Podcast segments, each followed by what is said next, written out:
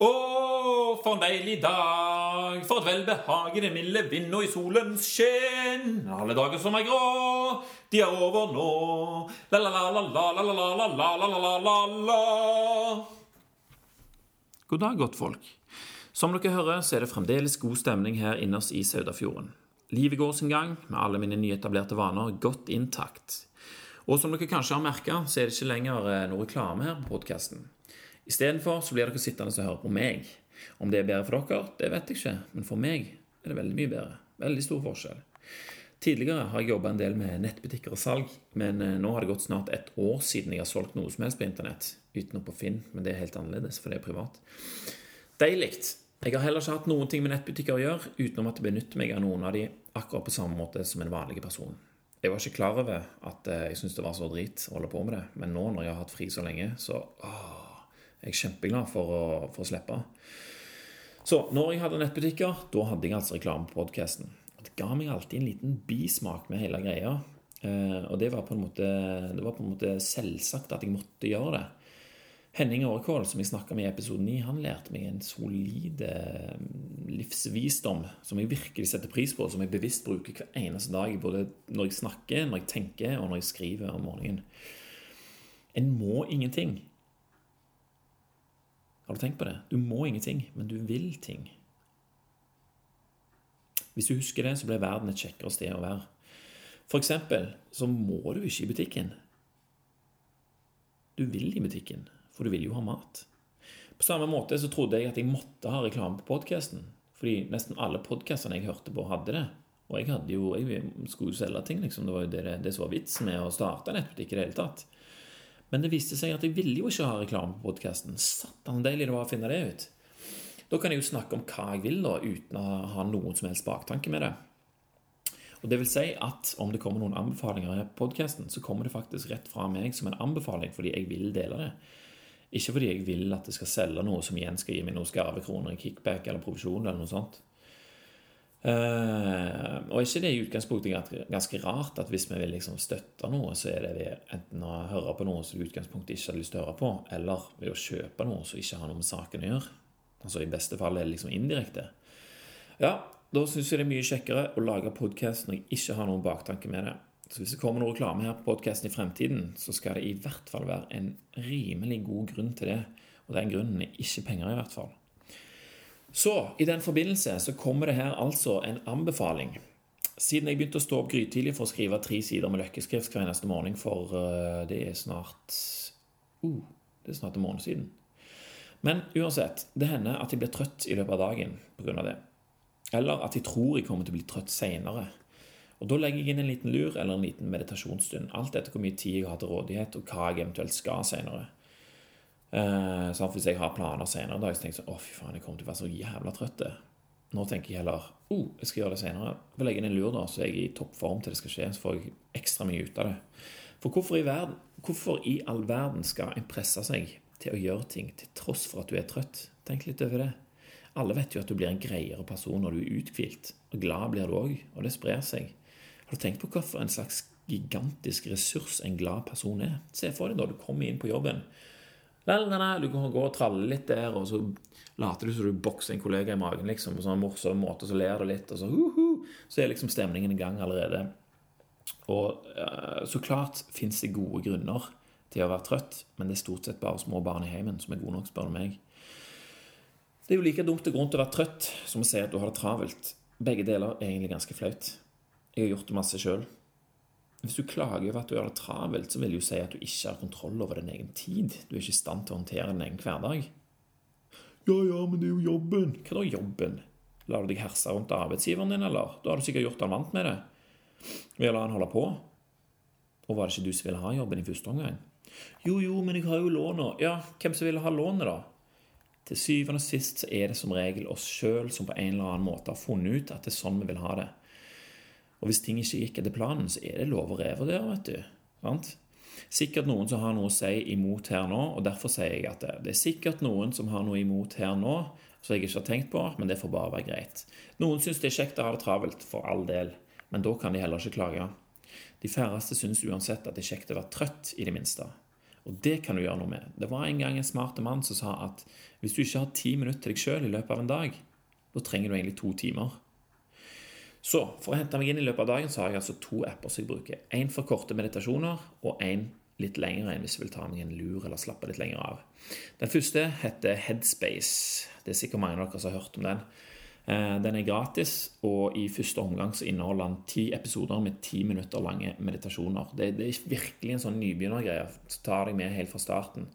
Og så er det små animasjoner foran annenhver episode som forklarer deg prinsippet på, på episoden, liksom hvordan du skal tenke. Så gir deg noen fine bilder i tillegg, liksom, sånn at det blir lettere å forstå. Uh, og gjennom de ti minuttene så får du hele tida beskjed om hva du skal tenke, hva du skal gjøre, av en sånn rolig, behagelig engelskmannsstemme.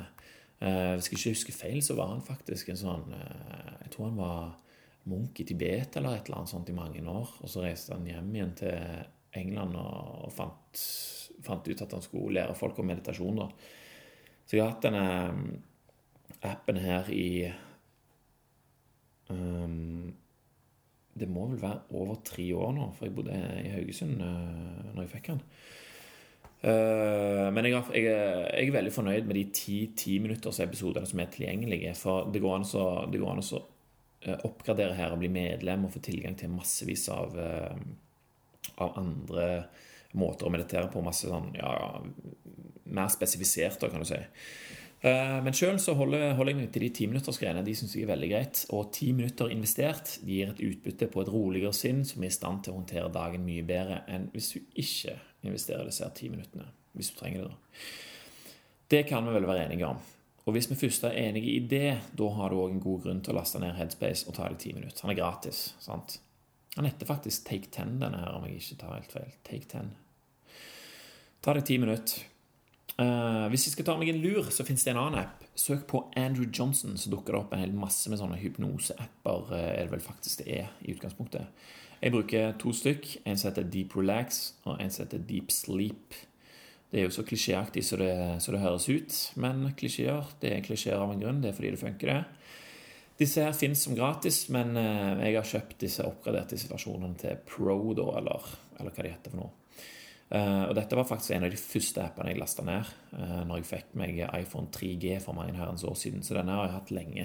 Jeg er blitt veldig vant med den behagelige skotske dialekten til Andrew Johnson, som raskt tar meg inn i avslapnings- eller sovemodus. Og det er det jo jeg som har sørga for at, at skjer. For det er jo snakk om å trene seg opp her. Desto mer jeg bruker disse appene, jo bedre virker de. Uh, og jo mer får jeg ut av at, jeg, at jeg gjør det, og jo sikrere kan jeg være at hvis jeg bestemmer meg for å ta meg en lur, så, så får jeg noe ut av det. Hvis jeg merker at jeg er stressa på jobb, f.eks., så kan jeg ta meg ti minutter med, med, headspace og komme mye freshere tilbake. Og hvis jeg vet at jeg blir trøtt senere om jeg ikke tar meg en hvil, så vet jeg at jeg eh, kommer til å klare det, fordi jeg er vant med å gjøre det nå. Før så kunne jeg bare glemme å sove på dagen. Nei, det går ikke an, sa jeg. Og det sier folk til meg ennå når jeg sier at de bør gjøre det. Eller sier at de, de kan gjøre det. Ja, du kan ta deg en hvil på dagen, vel. Nei, får du ikke det. Klart det ikke går når du har den holdningen, den åndas, og du ikke har trent på det heller. Ingen som klarer å lese første gang de ser en bokstav. Du må jo øve. Så etter en stund med øving så er du klar over at du kan sette av en halvtime og faktisk få sove. Du trenger ikke være usikker på om du får utbytte av det eller ei. Uh, ok, Greit nok, det er ikke sikkert du får sove hver eneste gang, men du vet at du i det minste får slappet av, og det gjør jo ofte noe av samme nytten. Så Headspace for korte meditasjoner og Andrew Johnson for en liten lur. Det var dagens tips fra meg. Ta deg en lur, så blir du, eh, så blir du en kjekkere person å ha med å gjøre. Og Nå kommer det mer om hvorfor jeg ikke leser nyheter. God fornøyelse.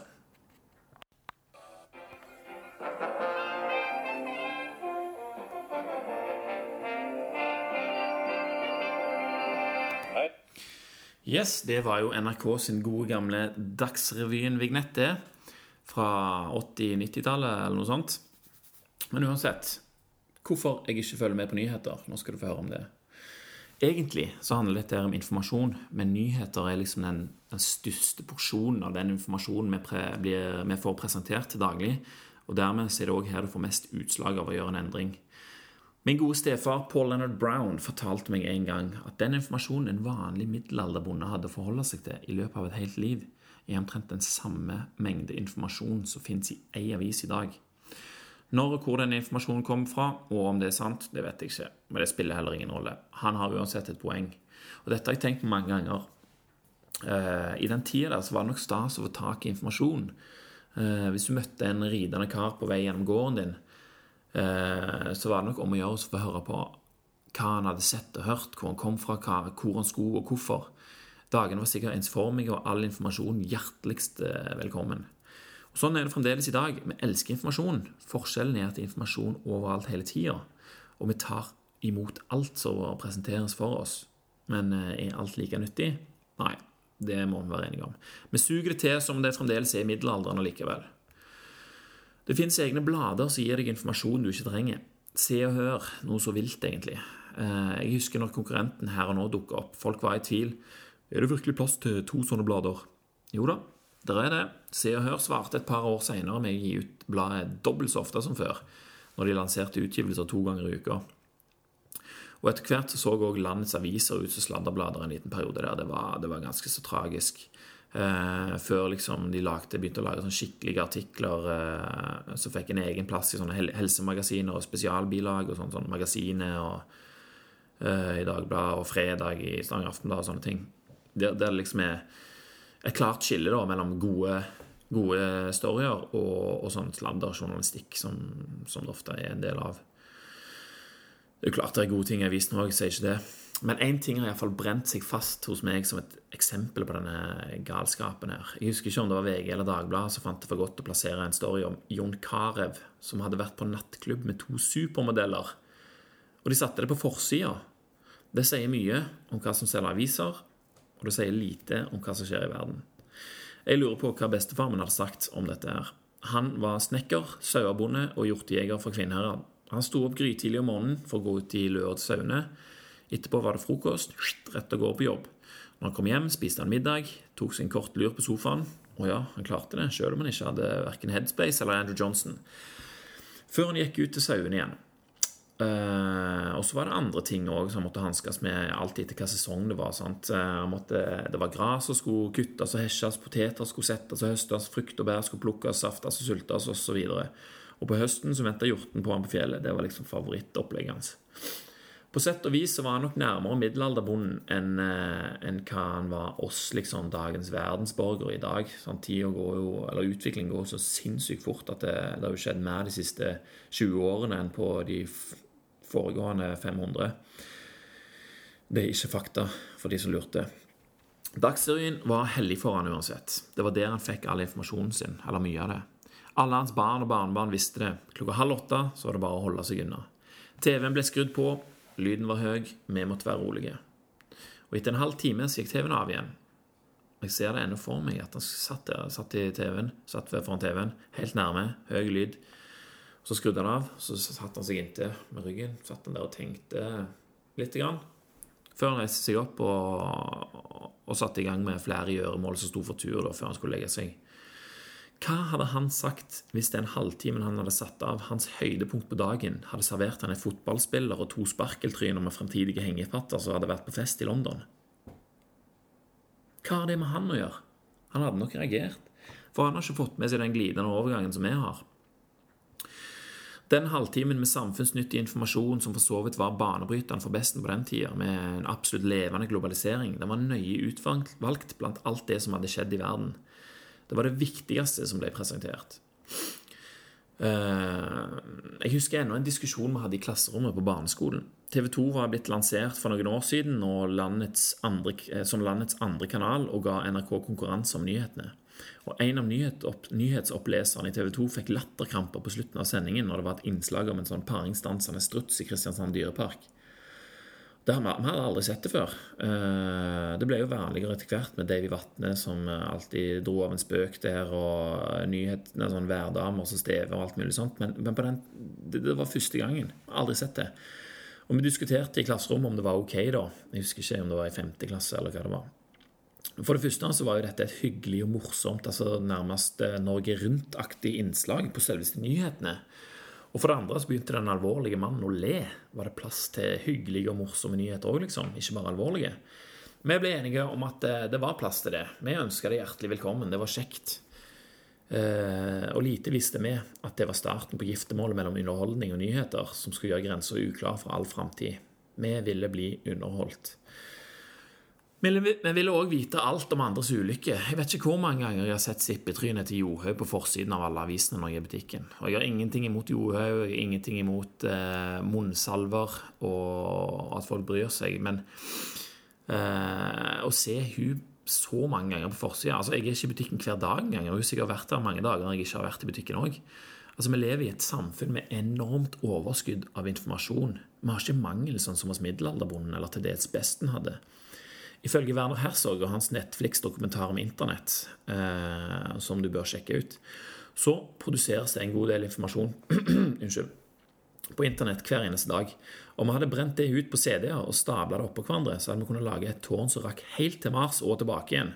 Så hvordan i all verdens land og rike kan en stakkars Johaug være på forsiden av alle aviser gang på gang med samme tema og samme bilde, samtidig som det skjer banebrytende ting i verden hver eneste dag? Det er liksom, dette er jo det vi som har bestemt. Vi bestemte oss allerede angående den strutsen. Vi ville ha underholdning. Vi ville òg ha tragedie, og vi ville òg ha katastrofer, og ikke minst frykt. Og jeg skriver 'vi', men jeg sier 'vi'. Men jeg vil jo ikke vite alt dette her. Eller rettere sagt så er det andre ting som jeg heller vil vite. Og de tingene jeg ikke vil vite, som jeg likevel får vite, de tar oppmerksomheten vekk fra de tingene jeg heller vil vite. Var du med på den? Hvorfor leser vi egentlig nyheter? Vet alle som leser aviser, at de vil vite de tingene som står der? Eller er det bare gammel vane å lese det som blir presentert? Og har vi egentlig en slags plikt som mennesker til å vite alt mulig som skjer i verden? Det var den følelsen jeg fikk i alle fall når jeg bestemte meg for å ikke følge med på nyheter. Og det var ikke meg sjøl som ga den følelsen, den fikk jeg av andre personer. De personene som jeg fortalte at jeg hadde slutta å lese nyheter til. Flere syntes det var uhørt ansvarsløst. Hvordan kunne jeg? Jeg fikk flere spørsmål, og jeg prøvde å besvare så godt jeg kunne. Her er noen av de spørsmålene som jeg fikk. Skal vi se Bryr du deg ikke om at folk sulter i verden, eller? Jo, jeg gjør det, men jeg trenger ikke å lese om det hver dag hele tida for det. Jeg husker å ha lest om det før, og jaggu meg tror jeg ikke jeg har sett noe om det på TV òg. Situasjonen er vel ikke så veldig forandra. Vi hjelper innimellom med TV-aksjoner og ditt og datt og bla, bla, bla. Vi har fadderbarn og alt mulig. Skal vi slutte å lese nyheter først når det, når det ikke er folk som sulter? Er det det som er poenget ditt? Du har hatt ansvar for å følge med i politikken. Stemmer du ikke, eller? Det var en mann som sa dette. Du har hatt ansvar om å følge med i politikken. Stemmer du ikke, eller? Jo da, jeg stemmer. Jeg. Ikke hver gang, det skal jeg ærlig innrømme, men jeg stemmer når jeg føler jeg har noe jeg mener. Og ja, jeg får med meg hva de forskjellige partiene står for. Det er ikke det som står i nyhetene. I nyhetene så er det meninger, svertinger, feilsitering, manipulering, pingpong og gud vet hva som blir slengt fram og tilbake hver eneste dag i årevis før et valg. Hvor mye informasjon er ikke det? Jeg kan klikke meg inn jeg, på de forskjellige partiene sine nettsider og lese saklig om hva hvert parti står for. Og trenger ikke høre på all den kranglinga. Det er jo verre enn en barnehage. Ja, men hva om det har skjedd noe virkelig fælt? Med mindre det har noe med meg å gjøre, eller at jeg faktisk kan gjøre noe med det, så vil jeg faktisk ikke vite om det. Vil du? Dessuten så er verden faktisk et mye bedre sted nå enn det noensinne har vært. Har du sett prat... Det, har du sett prat? Har du sett TED-praten til Hans Rosling? Den svenske eh, fyren som har sånne kuler. Uh, viser liksom sånne statistikker på en veldig kul måte som gjør at du forstår det på, gjerne på, på, et vis du ikke har gjort før. Hvis du ikke har sett det, så må du bare gå inn og, og søke på det. Hans Rosling. Det har aldri vært bedre å leve på jorda enn nå. Og det er av de tingene vi blir informert om, som gjør at vi føler at det er skummelt og farlig å leve. Er det ikke rart at vi er reddere enn noensinne, samtidig som vi aldri har hatt det bedre? Vi har det bedre enn noen andre som har levd før oss. Jeg har i alle fall lyst til å ha det så bra som vi faktisk har det. Greit nok at vi skal vite at ting skjer, men vi trenger ikke å la det styre hverdagen vår. Til og med kona mi Kona, jeg sier ikke kona, men det står her. Til og med kona mi blir irritert meg og syns jeg var ansvarsløs. Syns ikke noe om det. Jeg kom seg etter hvert, da. Hun er mer med på notene nå. Jeg er så glad i henne, vet du. Men jeg syns det er spennende når hun er irritert på meg. Uansett, jeg husker, først, eh, jeg husker, godt den første gangen jeg oppdaga effekten av at jeg hadde slutta med nyheter. Ikke at saken var så alvorlig og, og liksom eh, banebrytende, men, men jeg, husker, jeg, husker, den settingen, liksom, og, og, og hva inntrykk det gjorde når det gikk opp for meg hvordan dette egentlig fungerte. Og Det forsterka beslutningen min kraftig, og jeg har aldri sett meg tilbake. Jeg var på besøk hos svigers. Svigerfaren min han heter Lars, men det hender han kaller seg for Sviger-Lars, så da hender det at jeg òg gjør det. Sviger-Lars kom bort til meg og sa De har funnet Nei, jeg skal si det sånn han sier. De har funnet den svarte boksen. Hæ? Den svarte boksen? De har funnet den? Hvem har funnet den? Ask? Jeg hadde jo ikke peiling på hva han snakker om. Og så så jeg han ble irritert over den manglende interessen min for verdensnyheter. Liksom, Følger du ikke med, liksom? Og Det viste seg at det var et fly som hadde styrta i Ukraina, og det var spørsmål om det var blitt skutt ned. Ser du? Fikk det med meg til slutt. Jeg trengte ikke å lese meg gjennom en haug med artikler om synsing, kanskje ditt og kanskje datt, for å komme fram til den viktige informasjonen som, som eh, befant seg i den svarte boksen. Den informasjonen var tydelig nok, eh, tydeligvis viktig nok til at han nådde helt fram. Og sånn forholder jeg meg den dag i dag. Viktig informasjon kommer ferdig redigert og komprimert, seilende på i fjøl av de som vil lese nyhetene. Ja, så var det falske nyheter, da. Skal jeg si noe om det? Nei, det skal jeg faktisk ikke. Jeg vet ikke helt hva det er, for det er ikke viktig nok til at det har kommet seilende på ei fjøl til meg, ferdig redigert og ferdig komprimert. Så sånn er det det funker. Her en dagen så ble jeg spurt av noen på jobb. Hva er det du egentlig gjør på, du som jobber så lite og ikke leser nyheter? Hm, og det var et ganske godt spørsmål. Jeg tenkte på det litt av og på hele den dagen der. Kanskje jeg gjør det som de som jobber mye og leser nyheter, aldri får vite om? Jeg er i alle fall lykkelig uvitende om en hel del. Og den tida jeg sparer på det, det bruker jeg på meg sjøl og familien min, og det syns jeg er et godt bytte. Og det var det. Det var dagens lesning.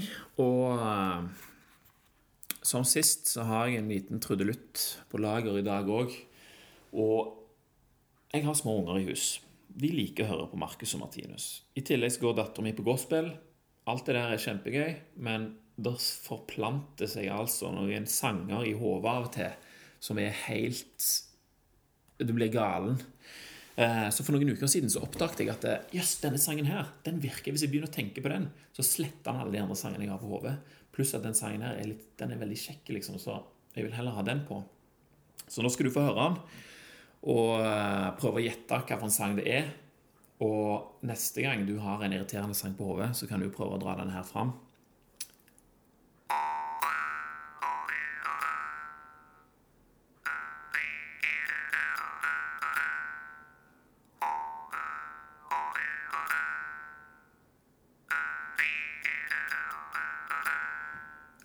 Husker du det? Hvilken det er? Når du kommer på det, så kommer det til å være sånn Å ja, selvfølgelig. Men uansett, lykke til med å bli kvitt irriterende sanger på hodet. Og jeg håper kanskje du tenker litt annerledes om uh, nyheter nå. Kanskje du får lyst til å drøye nyhetslesingen et par dager og se hva som skjer. Uansett så ønsker jeg deg en fantastisk dag videre, og plutselig så snakkes vi igjen. Tusen takk for meg.